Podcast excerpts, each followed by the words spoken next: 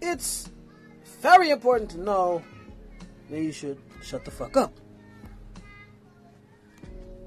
You know what I'm saying? Okay. Keeps playing. Sometimes it's unnecessary to talk too much and you should shut the fuck up. Or sometimes you got the need to talk, but you talk too much. And then it's when you should shut the fuck up. Or basically when you gotta keep a secret, uh, yeah, got some alcohol in your system and uh, start running your mouth. You should shut the fuck up. Shut the fuck up, man. Or whenever things go down and you end up in the court with the judge and you about to say something, you should shut the fuck up, man. Shit. Donald Trump,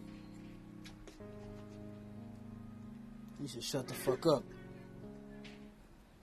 Cause it don't make no sense what you be saying, man. Some of these other people in the music game, I don't want to call no names shit because, uh, but you should shut the fuck up. Shut the fuck up. Because sometimes it's unnecessary to say too much. So in the next episode of the podcast, we're gonna talk about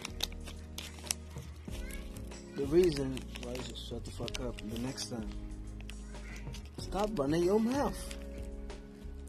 For all listeners, have a good day.